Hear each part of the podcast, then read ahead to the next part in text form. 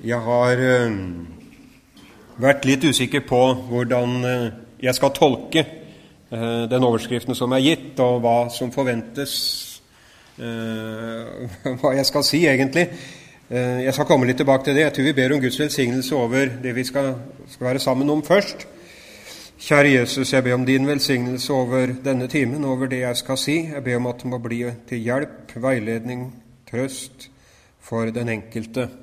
I ditt navn. Amen. Ehm, som jeg sa, så har jeg vært litt usikker på hva som forventes av meg eh, når jeg leste den overskriften 'Finnes lutherske baptister'. Og eh, det er jo et eh, spørsmål som i hvert fall blir lagt merke til, og som kanskje også skaper litt interesse. Hva er det nå man skal si for noe?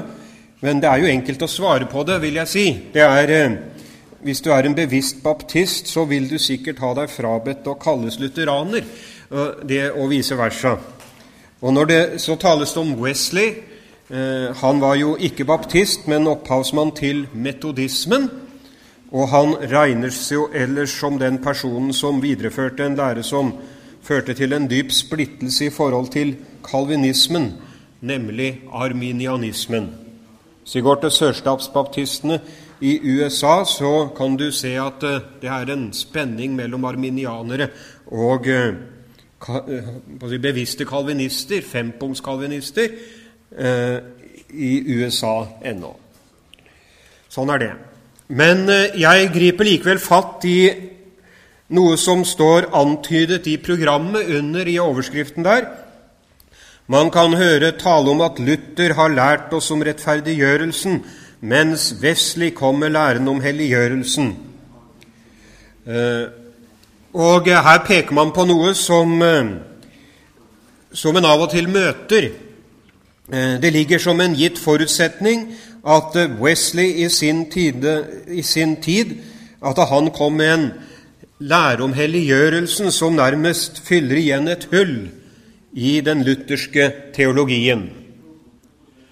Og eh, så skal vi da ta litt stilling til det. Er det sånn at det er et sånt åpent hull i den lutherske tenkningen som eh, si, Vi mangler en brikke i puslespillet vårt som vi må få ja, som kom på plass mange år seinere ved Wesleys tenkning, og senere de som videreførte hans tenkning. Jeg for min del vil si jeg tror ikke den puslespillbrikken passer helt inn i det lutherske systemet. Vi har da vitterlig en lære om helliggjørelsen. Men tankegangen er altså at de lutherske har god greie på hvordan mennesket blir frelst, men liten eller si, lite eller ingenting å si om hvordan mennesket får del i den helliggjørende nåden, slik at de virkelig kan leve som kristne. Jeg tror nok vi godt kunne ha snakket mer om helliggjørelse fra luthersk side. Det tror jeg. Det er et anliggende der. Men er det sånn at uh, vi på en måte må hente inn denne læren fra annet hold? Uh, det er en oppfatning som mange gjør gjeldende, også i vår tid. Jeg har hørt den mange ganger. Og det kommer da særlig ja, kanskje ikke primært at jeg, vi møter det fra metodistisk hold, men det kommer ifra karismatiske miljøer særlig, og også ifra pinsemiljøer. Og Det har jo sammenheng med at man innenfor disse sammenhenger har videreført noe av Wesleys lære om helliggjørelsen. Man griper tilbake til Wesley og hans store opplevelse av å bli fylt av Guds hans store hellighetsopplevelse. Men den oppfatningen vi står overfor, også mer i vår tid, den eh, kan vi kanskje grovskissere litt sånn i begynnelsen. Eh, den ser omtrent sånn ut, og da er den veldig grovskissert. Men man taler om to stadier i det kristne livet. Eh, det er den oppfatningen som jeg blei møtt med sjøl fra karismatisk hold da jeg var ganske ung og var litt inne i de sammenhengene. Eh, først tar et menneske imot frelsens nåde og blir en kristen. Det er vel og bra. Men deretter så må en troende også motta den nåde og kraft som skal til for å få fart på helliggjørelsen. Og ifølge pinsevenner og de aller fleste karismatikere så skjer dette ved mottagelse av Åndens dåp. Og Derfor så har jeg valgt å kalle det foredraget jeg holder nå, 'Luthersk tro og lære om åndsdåp'. Jeg vil prøve å snevre det inn til det. Og det spørsmålet som da blir eh, særlig aktuelt, det er om en slik lære om at det er to trinn i det kristne livet, kan den integreres i luthersk teologi? Eh, er det sånn at eh, at jeg først mottar frelsens nåde. Da har jeg mottatt én type nåde som gjør meg til et Guds barn, og så er det nødvendig for å komme virkelig i gang med helliggjørelsen å motta en helliggjørende nåde. Ehm, som lutheranere så vil vi jo prøve alt på Skriften, og det må vi jo også gjøre når det gjelder dette spørsmålet. Jeg vil også prøve å vise hvorfor det er problematisk å integrere en sånn tenkning i, som jeg allerede har skissert her, i en luthersk teologi. Og Jeg velger rett og slett å gå forbi Wesley og direkte til pinsebevegelsen og den karismatiske bevegelse, og jeg kommer altså da til å holde fokus en del på, la meg kalle det, fenomenet eh, åndsdåp. For det er et fenomen. Det er noe som liksom bare begynte å skje en dag, eh, sier de som da har opplevd det. Og så gjelder det da i etterkant å gi en slags teologisk legitimering og forklaring på dette fenomenet. Og Det som jeg har lyst til å prøve å vise nå når vi går videre fremover, det er at det fenomenet åndsdåp eller la oss kalle det opplevelsen, åndsdåp, som noen begynte å få i begynnelsen av det 20. århundre, den begrunnes noe forskjellig, rent teologisk, i de sammenhenger der den praktiseres. Og skal, Vi skal se, se, på noen av begrunnelsene som er gitt. Hvordan blir dette med åndsdåp eh, forklart teologisk? Og Da skal vi gå ganske langt tilbake. Vi kan ta noen glimt helt ifra pinsebevegelsens eh, start og se at allerede innenfor pinsebevegelsen så fikk man litt forskjellige forklaringer av åndsdåpen. Og som man sikkert vet, så startet pinsebevegelsen på begynnelsen av 1900-tallet det sies at det skjedde i Bethel Bible College i Kansas i 1901. Det var der det egentlig begynte. Der var det noen studenter som eh, si, opplevde dette med tungetale. Eh, og de mente at det å ha tungetalen, det var et tegn på at man var fylt av Den hellige ånd. Og man viste til apostelgjerningene kapittel 2 om åndsutgytelsen på pinsedag. Eh, åndsdåp kalte man det. Opplevelse av å bli utrustet av Den hellige ånd og være fylt av Ånden. Ja, det beviset på at man var det, det var at man talte i tunger.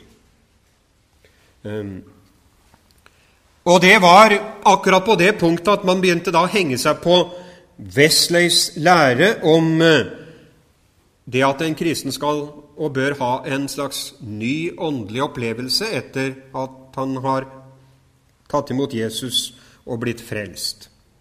Den har sin egen historie, denne læren om second blessing, eh, men det er den som man henger seg på. Charles Finney hører også med i utviklingen av denne læren. Ja, hva er beviset på at jeg har fått denne åndens utrustning? Jo, jeg taler i tunger. Eh, Sjølve starten på pinsebevegelsen den kom først i 1906 med en pastor som heter Seymour i Asusa Street i Los Angeles. Og det kom jo ganske fort til Skandinavia, Sverige og Norge. Veldig raskt kom det. Og så kan en jo spørre Dette her kom jo nærmest som et fenomen. Plutselig så var det noen som ja, ja, kanskje det er å overdrive litt, men det, det var i hvert fall noen som kunne si det. Nå har jeg opplevd Åndens dåp. Nå taler vi i tunger. Det er helt fantastisk. Nå har vi fått en ny opplevelse. Eh, og denne opplevelsen var det flere som fikk. Det brøt inn, særlig i baptistiske og metodistiske kirkesamfunn i begynnelsen. Og mange av de første tilhengerne innenfor pinsebevegelsen den ble rekruttert ifra disse kirkesamfunnene. Så det er ikke så dumt at det i ingressen liksom til dette foredraget tales både om baptister og metodister. Eh, det var inn i disse miljøene denne bevegelsen slo inn. Men det viste seg også ganske snart at det ble gitt noe forskjellige teologiske begrunnelser for fenomenet åndsdåp innen baptistiske og metodistiske sammenhenger. Eh, de som hadde metodistisk bakgrunn, var preget av Wesleys forståelse av hellighetsopplevelsen. Og man mente at Wesley opplevde en renselse fra synden. At han ved det ble forberedt til å bli fylt av Ånden. At han skal ha lengtet etter å oppleve enda noe mer enn det han hadde opplevd. Man tolket på en måte Wesley inn i en slags skjematikk der hvor man kan si han kom et stykke lenger med sin opplevelse, men det han opplevde, var en renselse. Jeg har lest noen artikler om det hvor man tolker det hele på den måten. Jeg er ikke så sikker på om det er en riktig tolkning, men la det bli med det. Det sier mer om de som tolker, kanskje, enn om Wesley. Men eh, det det sier om de som tolker, er det at de var veldig opptatt av at eh, etter at et menneske er blitt en troende, ja, så skal de oppleve en renselse. Og De metodistiske pinsevennene de utviklet en lære om hvordan dette skulle skje. Opplevelsen av å bli renset måtte komme før dåpen i Den hellige ånd. De talte i den forbindelse om en renselse fra indre synder som gjør den troende til rene kar for Den hellige ånd. Og de rene og tomme karene skulle, skulle fylles, og det skjedde først ved åndsdåpen. Og Dermed så fikk man faktisk en slags struktur i denne tankegangen som gikk over tre stadier. Først frelse, så renselse, deretter åndsdåp og åndens fylde. Jeg hørte en historie en gang fra Bolivia. og Jeg var jo misjonær i Peru. Men jeg hørte om en som talte, det var visstnok en søndagsskolelærer, om at det var veldig viktig å rense hjertet. Gjøre det helt rent, slik at ånden kunne komme inn der. Og det var nok mange som satt og hørte på det, av barna som lurte på ja, hvordan skal jeg nå bli renset, slik at Jesus kan komme inn. Og så var det en som svarte Slipp Jesus inn, så gjør han rent. Altså, her er det noe som kanskje vi kan stille noe spørsmål ved. Eh, det som skjedde, i hvert fall Jeg skal komme litt tilbake til denne trestrinstenkningen. Eh, det som skjedde, var at enkelte med baptistbakgrunn de hevdet at de hadde opplevd Den hellige ånds salvelse uten denne forutgående renselsen. De hoppet nærmest over det midterste trinnet i den metodistiske oppfatningen. Og, eh, men likevel så kan vi si eh, begge disse to retningene, eller måten å tolke det på, hadde en sammenfallende grunnstruktur, og det er den som på en måte overlever de forskjellige teologiske tolkningsforsøkene. Først blir du kristen, deretter kommer denne åndsopplevelsen som gir et seirende kristenliv. Jeg tror det er riktig å si at uh, pinsebevegelsen primært videreførte tretrinnsmodellen, eller trestadiemodellen. Og etter det jeg kan se, så var det også den som ofte fikk gjennomslag da den karismatiske bevegelsen kom til Norge. I hvert fall slik jeg møtte den, sånn på 70-tallet en gang i tiden. Eh, vi som er gamle nok, vi husker hvordan det ble talt om at man måtte åpne seg og overgi seg, renses, ta oppgjør og bekjenne synd. Karene måtte på en måte bli tomme før man kunne fylles av Ånden. Metaforen 'tomme kar' som måtte fylles, ble fritt, flittig brukt, og jeg tror nok det var mange som sleit med å få sine kar tilstrekkelig renset og tomme. Det er det ikke noe tvil om. Um, det er litt vanskelig å få en helhetlig forståelse av den la oss kalle det pentekostale helliggjørelseslæren, uten å se litt nærmere på hvordan denne læren om åndsdåp eh, blir plassert inn i systemet deres. Og det kan være, bare i parentes nevnt, eh, kanskje greit å ha klart for seg at man i pentekostal teologi ofte skjelner mellom litt forskjellige bruk av ordet dåp. Noen mener at eh, altså man bruker ordet dåp rett og slett bare ved om det å bli en kristen. Eh, det er tale om å bli døpt ved Ånden inn i Jesu legeme. Eh, baptism into the body of Christ. Eh, dette er identisk med det som skjer ved frelsestilegnelsen. Det er første skrittet. Og så kommer det dåp i vann. Det er en symbolsk handling som ikke formidler frelse. Det er eh, bare et slags personlig vitnesbyrd om at man nå er død og oppreist med Kristus. Og så kommer det altså dåp i Den hellige ånd.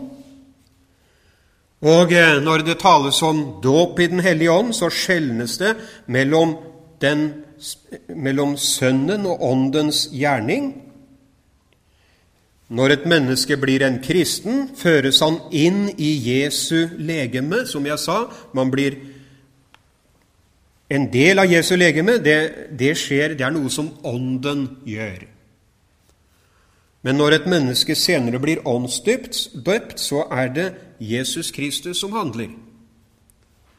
Da er Ånden medie. Jesus døper og fyller den troende med Ånden, In this baptism, Christ is the agent, and the Holy Spirit is the medium. Så det er liksom tenkt at de har hver sin rolle, Jesus og Den hellige ånd, i dette systemet. Du fylles med Ånden, og det er det Jesus Kristus som gjør, men det er Den hellige ånd som fører deg inn i Kristus. Det kommer først. Oppfatninger som preget pinsebevegelsen, ble, som jeg allerede har antydet, videreført i den karismatiske bevegelse da den kom på slutten av 1960-tallet og fremover. Og Da skjedde det også plutselig, nærmest, som blir i hvert fall omtalt, at folk begynte å tale i tunger. Det var Dennis Bennett som var den første, en anglikaner. Han eh, fortalte at han talte i tunger og hadde hatt en spesiell åndsopplevelse. Omtrent samtidig så var det katolske troende som opplevde det samme. Og Folk begynte å spørre hva er dette for noe med denne åndsopplevelsen som folk får. Eh, er det Gud som arbeider på en spesiell måte i vår tid? Eh, er, eh, er vi inne i en spesiell tidsepoke? Ja, det var den forklaring som ofte ble gitt. Den kom, ja, den kom på slutten av 40-tallet, kanskje særlig. I eh, 1948 så var det en profetier, Kansas City-profetene blir de ofte kalt. Eh, de hadde en variant i hvert fall av, av, den forklaringen som jeg nå bare skal si litt om. Man tok utgangspunkt i Joels bok, kapittel 2 og kapittel 3 der, og apostlenes gjerninger, Peters tale eh, etter åndsutgytelsen, der han sier at i de siste tider så skal Den hellige ånd utgytes over alle folkeslag. Han viser der til Joels bok. Og man talte om noe temmelig løselig eksegetisk fundert om noe man kalte for tidligregn og senregn. Latter rain. Altså at det, kommer, en, at det kommer en, et slags åndsfylde eh, og denne skal, i historien, og denne skal gjøre seg sterkt gjeldende i tiden like før Jesus kommer igjen. Disse Kansas City-profetene de gikk veldig langt og snakket om at det skulle bli en voldsom åndsutgytelse eh, og en utrustelse av enkelte troende, så, og de skulle være redskaper til veldige vekkelser som skulle komme. Eh, det var den siste tid. Den tankegangen møtte en jo i forskjellige varianter, husker jeg. Eh, vi var liksom i en spesiell tid fra 1970 og fremover. Nå gjør, nå gjør Den hellige ånd en helt spesiell gjerning. Og så var det jo de som da eh, pekte på det som står i um, apostlenes gjerninger. Ordet 'de siste tider' betyr det perioden fra 1960 og fremover? Eller betyr det perioden som begynte rett etter at pinsedag skjedde? Uh, etter Jesu oppstandelse. Jeg mener jo det at det er det det handler om. Det er misjonstid. Så uttrykket 'de siste tider' det er atskillig mer omfattende eller breiere enn det man har lagt i det. Det er mye teologi rundt disse tingene. Eh, man snakker som sagt om to perioder, og at det skulle komme en veldig åndsutgytelse i de siste tider. Og den skulle ha stor betydning utover hele verden. Da de karismatiske kom, så gikk ikke de ut, i hvert fall ikke med en gang, og ikke alle sammen. De dannet ikke egne kirkesamfunn. Noen av dem gjorde det etter hvert. Det opplevde vi her i Norge. Eh, det er så mange forskjellige typer karismatiske eh, retninger som gjør seg gjeldende. Men eh, særlig i begynnelsen så var tankegangen at denne åndsopplevelsen som noen hadde opplevd, den skulle kanaliseres inn i det bestående kirkesamfunnet. Man så det som sin gudgitte oppgave at denne åndelige, nærmest eschatologiske velsignelsen, den som de hadde fått, den var de forpliktet til å føre inn i de kristne sammenhengene der hvor de selv tilhørte. Om de nå var anglikanere, lutheranere, metodister, baptister, ja, så begynte man å, å, å snakke om dette med at vi til sine medtroende dere må oppleve åndens fylde eller åndens dåp. Og Det førte jo til veldig skarpe debatter, ikke minst her i Norge på 1980-tallet og utover. Vi fikk innenfor lutherske sammenhenger dannelse av oasebevegelsen da, som blei en luthersk variant av den karismatiske bevegelse.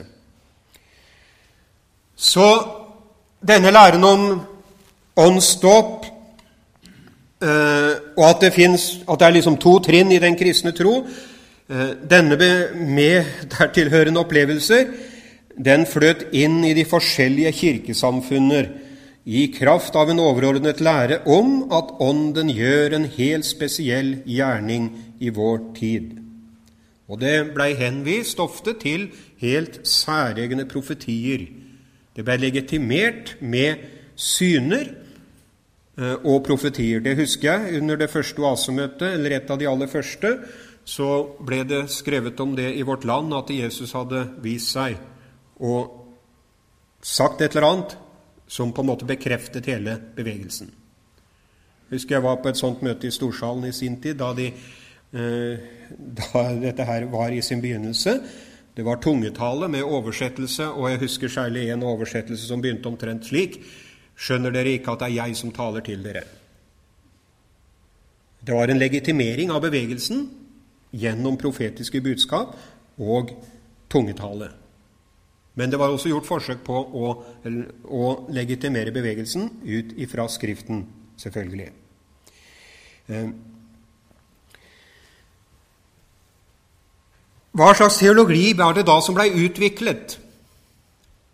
Eh, jeg har sagt at både innenfor metodistisk og baptistisk sammenheng i, i, eh, i pinsebevegelsens spede begynnelse så fikk man litt forskjellig teologisk begrunnelse for dette.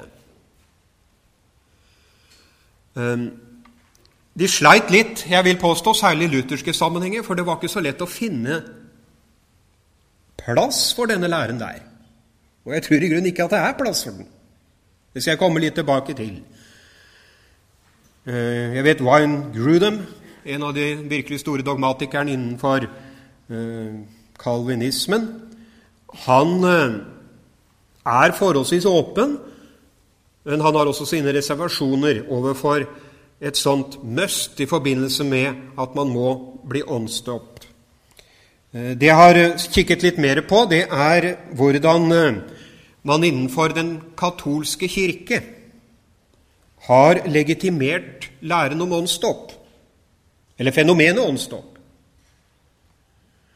For det viser seg ganske snart at det var en ganske stor åpenhet for eh, karismatikken i den eh, katolske kirke.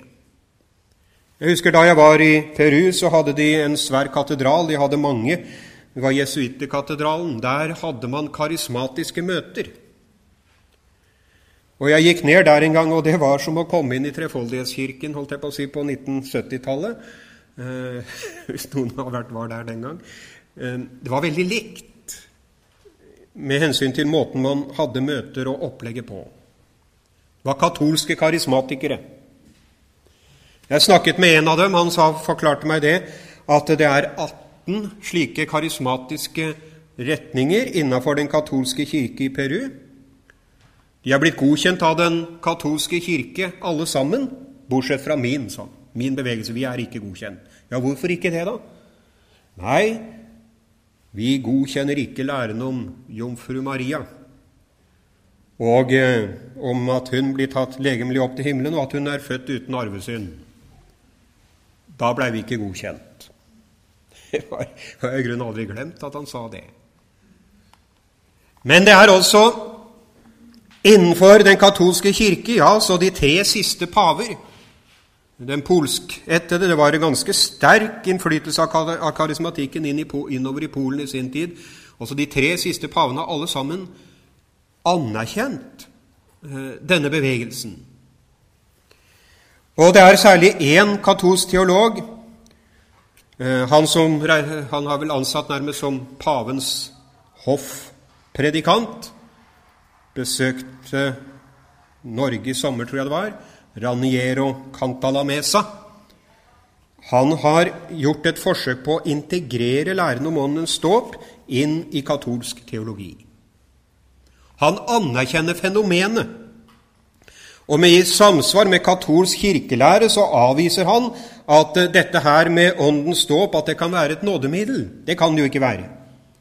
Men i stedet så argumenterer han for at åndsdåpen er en revitalisering først og fremst av dåpens nåde.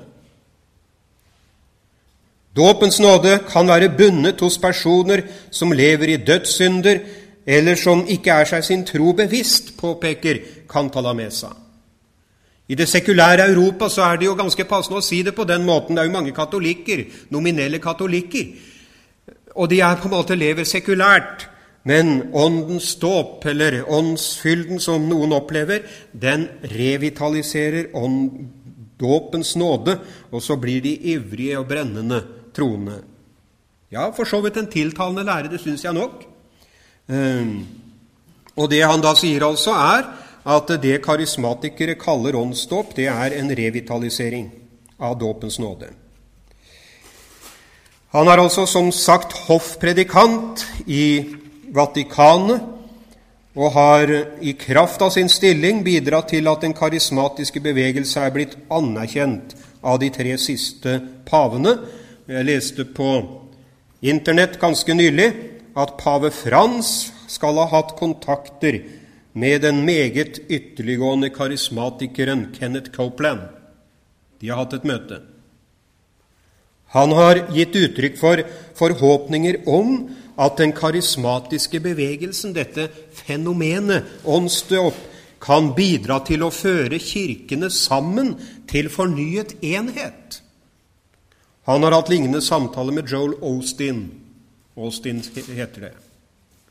Det er bilde av eh, pave Frans, hvor han har møte med fremtredende og meget ytterliggående karismatikere. Og det må man jo være klar over at Romerkirken den gir ikke opp sin selvforståelse. Den er Kirkens mor. Og alle andre kirkesamfunn de er mer eller mindre villfarne barn som trenger å vende tilbake til sin mors hus. Og den karismatiske bevegelsen den tolkes i rammen av denne selvforståelsen, ser det ut til. Den tolkes som en åndens gjerning i vår tid som nettopp fører til en slik tilbakevendelse enhet i en opplevelse. Og det er klart at Ulf Ekmanns konvertering og senere si, åpenhet for diverse former for katolsk teologi og spiritualitet, som vi ser i Skandinavia, i Sverige og Norge, den, ja, kanskje vi skal prøve å forstå det litt i det lyset. Det er, et påfallende, det er en påfallende ting at den ytterliggående si, karismatikeren en av de mest ytterliggående vi har hatt i Skandinavia. Jeg husker også Det var på 90-tallet med Ulf Ekman. Eh, ja, han er også da konvertert til den katolske kirke.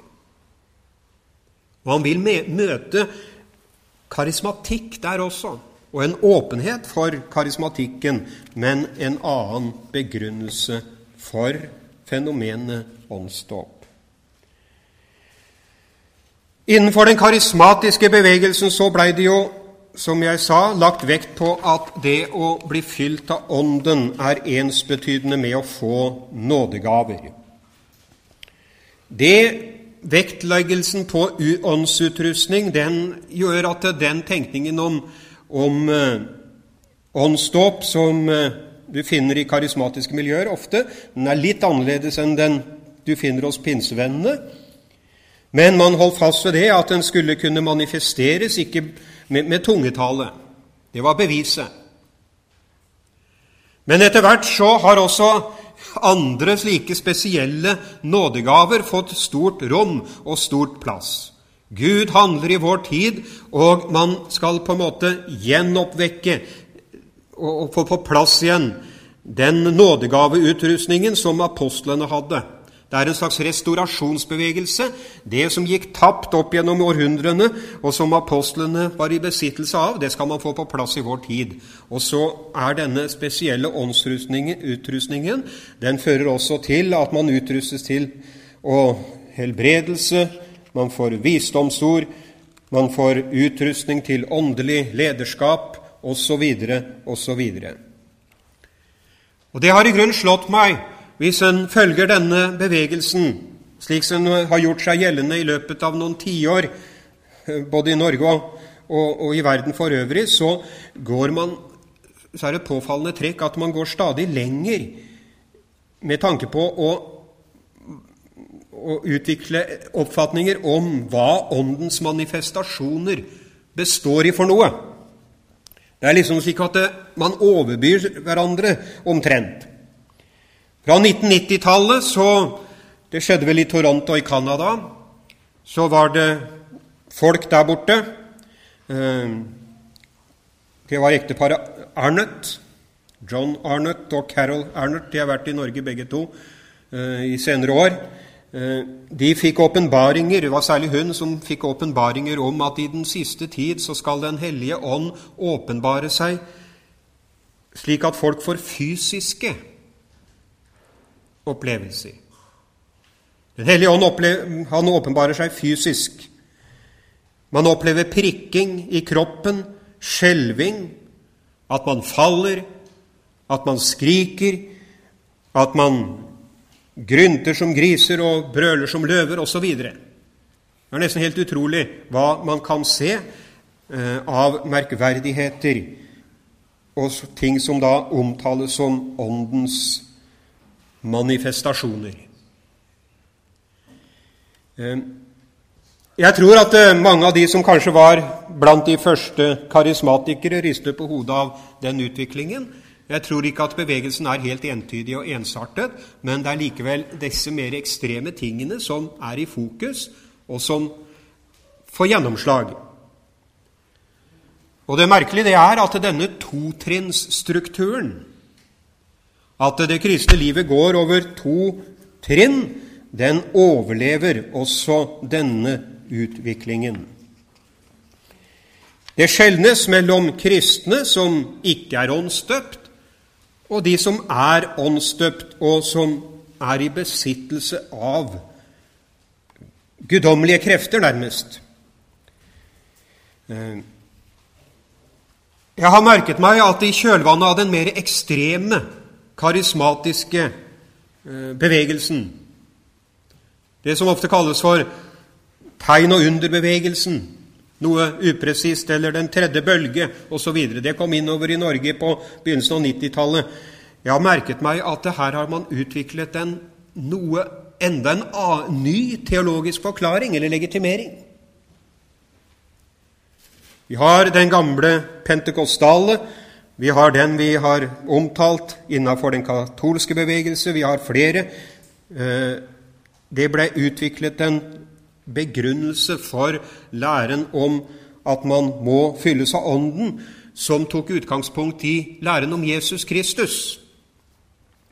Det var en kanadisk eh, pinseteolog som heter Roger Stronstad, norsk opprinnelse visstnok, som skrev en bok i 1984 som het The Charismatic Theology of St. Luke. Han retter fokus på Jesus og Jesu dåp. Og ut ifra det han skriver, så er det noen som, som utvikler en tenkning om den såkalte karismatiske Jesus Kristus. Ehm, Jesus omtales som et såkalt karismatisk forbilde. Jesus er forbilde i den forstand at eh, man mener at han lot seg fylle av Ånden først da han ble døpt. Ved dåpen mottok Jesus nådegaver, og han fikk guddommelige krefter til disposisjon. Han ble salvet slik at han kunne gjøre under og tegn. Den mest kjente og tydelige, tydelige eh, talsmann for denne måten å tenke på eh, som vi har møtt her i Norge, det er Bill Johnson. Ehm, han skriver at før sin dåp så disponerte ikke Jesus guddommelige krefter. Ved inkarnasjonen hadde nemlig Jesus stilt seg på lik linje med oss mennesker. Han eh, var ikke besittelse av guddommelige krefter, eller han brukte det ikke. Det er litt vanskelig å få tak på hva han egentlig mener om det. Men eh, da han ble døpt, så ble han fylt av Ånden og fikk kraft til å gjøre underet. He performed miracles, wonders and signs as a man in right relationship to God, not as God, skriver han i 'Heaven invades the Word, side 29. Det er i grunnen en fryktelig ytterliggående kristologi, og jeg vil si en ubibelsk kristologi.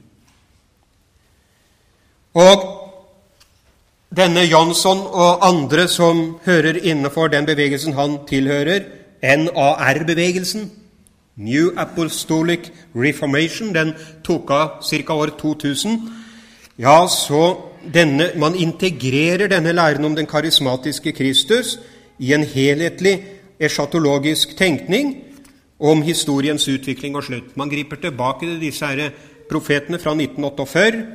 Man lærer at det i tiden før Jesu gjenkomst så skal det oppreises en generasjon, den såkalte Elias-generasjonen, av spesielt åndsutrustede kristne. Og det hele starter og på, begynner da har sitt utgangspunkt i Bethel Church. De skal være salvet slik Jesus ble salvet. De skal motta den samme åndsutrustning som han, og de skal gjøre større under enn han. Og ved deres virksomhet skal milliarder føres til tro. Denne NAR-bevegelsen den eh, tar sikte på å gjenopprette hele systemet som de mener var i urkirken. De skal få på plass profetene og apostlene. Og apostlene skal ha den samme myndighet som Paulus og Peter hadde. Det ble utnevnt apostler over hele verden som skulle ha en helt bestemt autoritet, og dersom ikke deres autoritet ble adlydd, ja, så stengte man for åndens gjerning i de territorier der hvor det gjøres gjeldende. Jeg leste nylig en bok om det.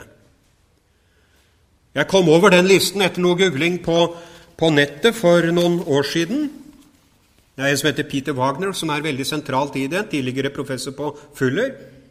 Og da merket jeg meg i hvert fall tre navn her i Norge som, av norske fremtredende karismatikere som sto på listen over, på den listen over globale apostler.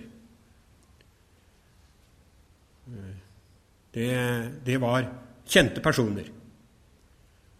De var utnevnt til apostler sentralt i USA. Så vet vi det. Eh, men det vi merker oss her, det er det at det er også da utviklet enda en slags teologisk begrunnelse for åndsdåpen.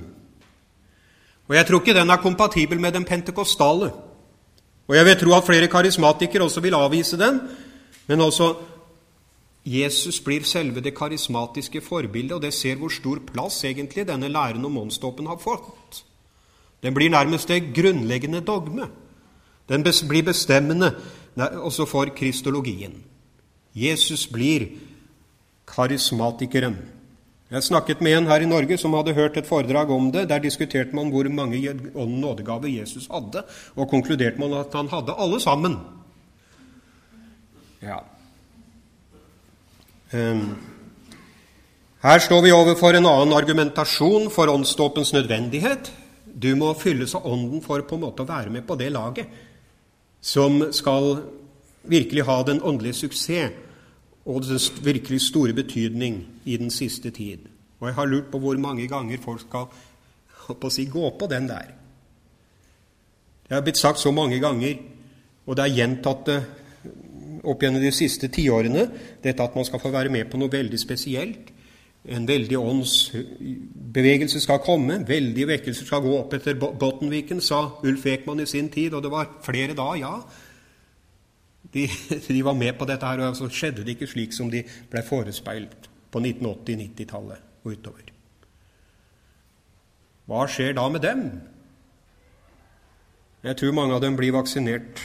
De, de får, møter den store skuffelsen når virkeligheten innhenter dem. Og så, ja, blir det åndelige kriser ut av det. Ja, jeg får prøve å forte meg litt videre eh, si litt til. Det er også utviklet forskjellige forklaringer på fenomenet åndsdåp, og sikkert flere som kunne vært føyd til. Og det gjør det ikke helt enkelt å svare på spørsmålet som var reist i begynnelsen. Kan dette, denne læren integreres i luthersk teologi? Det er så mange forskjellige slags teologiske forklaringer, og det kan jo se til at det man er opptatt av, det er å beholde fenomenet og gi den en passende teologisk legitimering inn i de sammenhenger der det skal gjøres gjeldende. Hva skulle vi si som lutheranere i møte med det? Eh,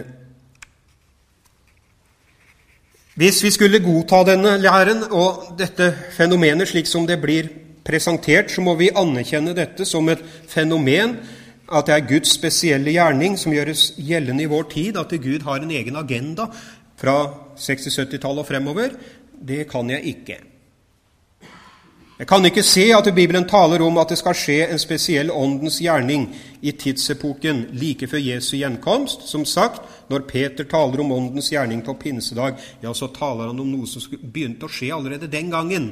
Det var starten på den nye tid, da hvor evangeliet skulle forkynnes for alle folkeslag. Eh, og så kan man jo også komme med noen innvendinger mot læren om den karismatiske Kristus. Jeg kan ikke se at denne læren kan integreres i Luthers teologi, eller at den kan forsvares ut fra Bibelen. Ved sin dåp så tok Jesus våre synder på seg. Det ble bekreftet fra himmelen at han tok ansvaret for våre synder, at han er Guds elskede sønn. Og Johannes døperen omtaler ham som det Guds lam som bærer verdens synd. Jesus ble rett nok salvet ved sin dåp til å være vår Messias, men denne salvelsen innebærer at han ble innviet. Det blei offentlig at han var den som bærer verdens synd, og som skulle frelse oss ifra dommen over våre synder. Hva så med denne læren om at den åndelige utvikling går over to eller tre stadier? For å spørre på en annen måte er en spesiell opplevelse av Ånden etter omvendelsen nødvendig for å oppnå seier over synd og et helliggjørende liv, eller et hellig liv? La meg svare ved først også si litt om selve den erfaringen som det vises til. Det er jo vitterlig noen som mener at de har fått en åndelig opplevelse som kanskje også følges av tungetale. Hva skal vi si til det? I første omgang så svarer jeg at erfaringen også viser at mange kristne mennesker synes å ha nådd langt i helliggjørelse og åndelig modenhet uten å ha noen slik erfaring med tungetale. Erfaringen viser også at enkelte som påberoper seg Åndens dåp, ikke nødvendigvis er veldig helliggjort. Tungetale er ikke noe tegn eller bevis på at man er spesielt helliggjort. Det tales om tungetale i første Korinterbrev, men den blir plassert som en av de mer beskjedne nådegavene. Den skal brukes til bønn. Og vi må jo ikke avvise den. Den har sin betydning, og jeg tror nok gjerne det at noen har erfaringer med disse tingene. Men det å gjøre det, å si, omskape disse erfaringene, lage en teologi rundt den slik som det er blitt gjort, som ender opp med at dette her er noe som vi må ha for å komme videre i helliggjørelsen, ja, det, det er der det blir galt. Den lutherske teologien den er faktisk mer jordnær og nøktern når det gjelder helliggjørelseslæren. Og vi får ingen målestokk som setter oss i stand til å vurdere vår egen og andres helliggjørelse. Det er noe som overlates til Gud men vi henvises til konkrete bud og formaninger som rettesnor for våre liv, og til evangeliet som kilde og kraft for dette livet. Hva skal vi si om helliggjørelsen?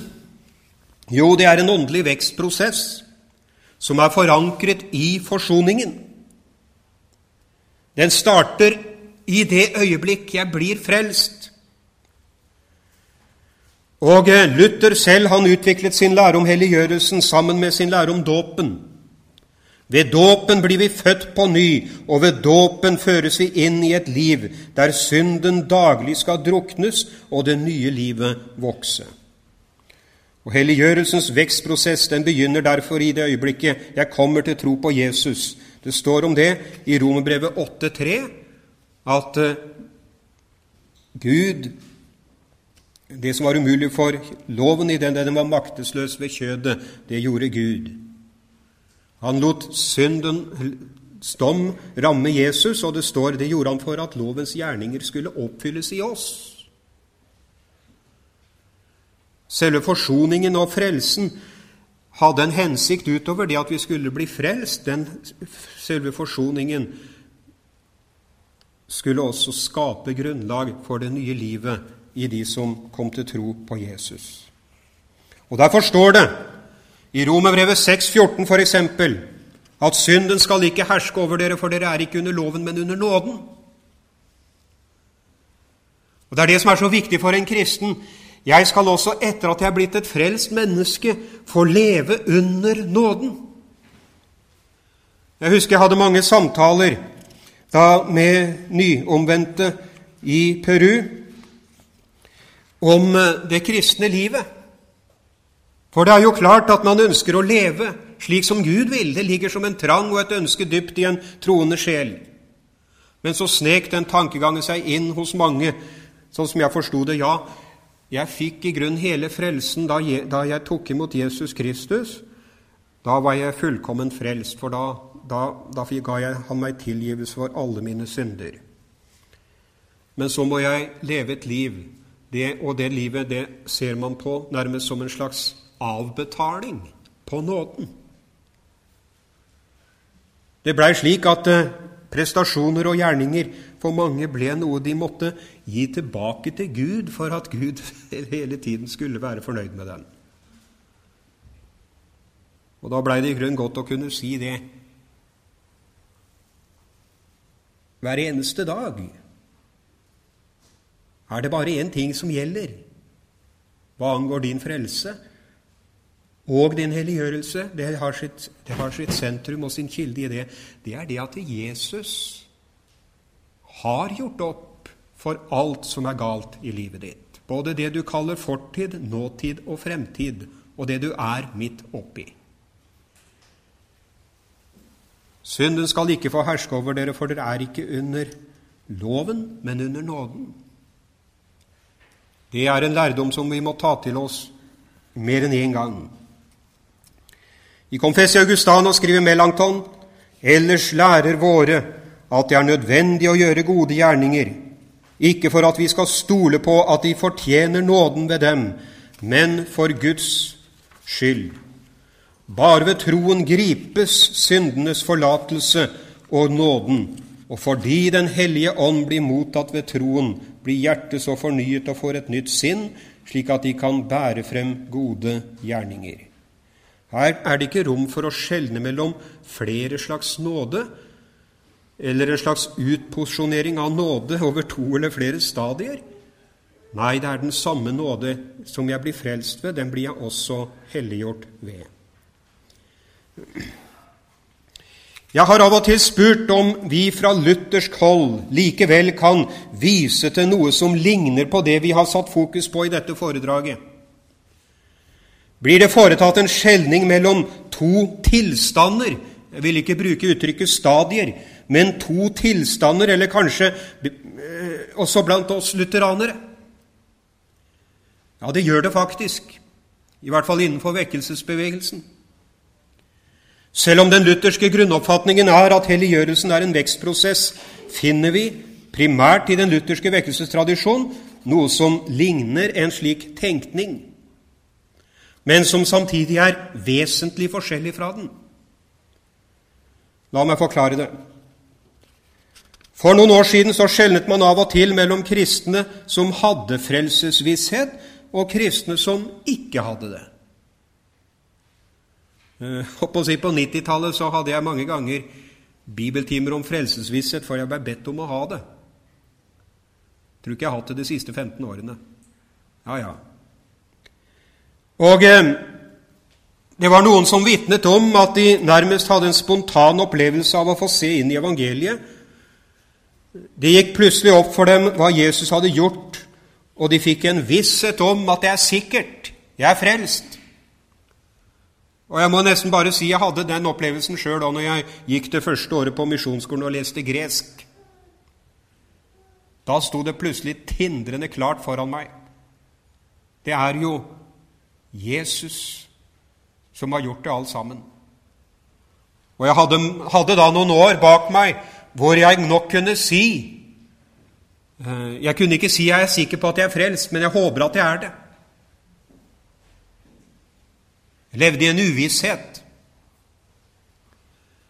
Og jeg tror faktisk at jeg var frelst også i den tiden. Og jeg har opplevd etter at jeg hadde den opplevelsen, at du kan komme tilbake til uvissheten. For våre tanker og hopp og si, anfektelser og alt mulig, ja, det, det setter inn på oss mange ganger. Det står om Peter. Vi hørte om han i går. Han lå i bølgene og ropte etter at han hadde gått på vannet. Så ropte han til Jesus, 'Herre, frels meg'. Da var han grepet av dødsangsten. Og han hadde hatt en veldig opplevelse. Og denne, den opplevelsen den hadde ikke gitt ham noen sterkere tro, det er helt tydelig. 'Herre, frels meg', ropte han. Og hva svarte Jesus? Jo, han skulle jo trodd at Jesus ville si, 'Nå har jeg prøvd alt med deg, Peter. Du har jo fått noen erfaringer som ingen andre har fått. Du har gått på vannet.' Nå får du ha det så godt. Jeg gir deg opp. Men sånn svarte ikke Jesus. Han sa, 'Du lite troende, hvorfor tvilte du?' Og så grep han Peter og reiste ham opp. Det var ikke Peters sterke tro, det var ikke vissheten som frelste han. Men Jesus frelste ham tross en svak tro. Og det er viktig å holde det klart for seg. Jesus er mye sterkere enn din tro. Og det er Han som vil ha deg. Men det er godt likevel når en får se inn i evangeliet, og det virkelig blir åpenbart for meg på en slik måte at jeg må få si ja, hvorfor i all verden kunne jeg tvile på deg, Jesus? Det står jo her så tindrende klart at ingenting At jeg skal få slippe å gjøre noe. At mitt liv ikke regnes med. At du har gjort alt. Det er herlig å oppdage det. Og jeg tror vi som kristne lever i det spenningsfeltet, og vi kan ikke håper å si, forbli i denne visse troen på Jesus uten at det forkynnes på nytt og på nytt hva han har gjort for oss. Og det merkelige er at det er det som virkelig løser et menneske. Jeg tror det går an å si at uh, helliggjørelsen har en kilde. Også ut ifra det jeg har sagt nå. Det er det at du får se mer inn i hva Jesus er og hvem han er, som gir deg frimodigheten til å tjene ham, og gleden. Og Derfor tror jeg også det det kan, sjøl om vi kan si at, at den åndelige vekst den går jevnt, den starter i troens øyeblikk, i troens usikre øyeblikk kanskje. Jeg vokser som en kristen, så kan man også tale om at det kan være sprang i den veksten. Det kan være noe som en kaller et før og et etter. Men en skal ikke presse det der inn i noen skjematikk. For Gud steller med oss på en litt forskjellig måte. Og det kan være slik som det var med, med Jakob. Han fikk et dypt, han fikk sine fall. Det fikk også David. Dype fall i livet. Som han husket. Men så ble han reist opp på ny. Gud steller med oss individ på individuell måte. Og det skal ikke utvikles noe skjematikk om disse tingene, men vi skal få legge oss i Guds hender, og vi skal få legge oss inn i evangeliet og stole på det. Og vi skal få lov til å søke inn i Guds ord og, av, og høre forkynnelsen av evangeliet, og så skal vi få be Gud, styrk min tro. Gi meg krefter, gi meg et nytt og et hellig liv. Amen.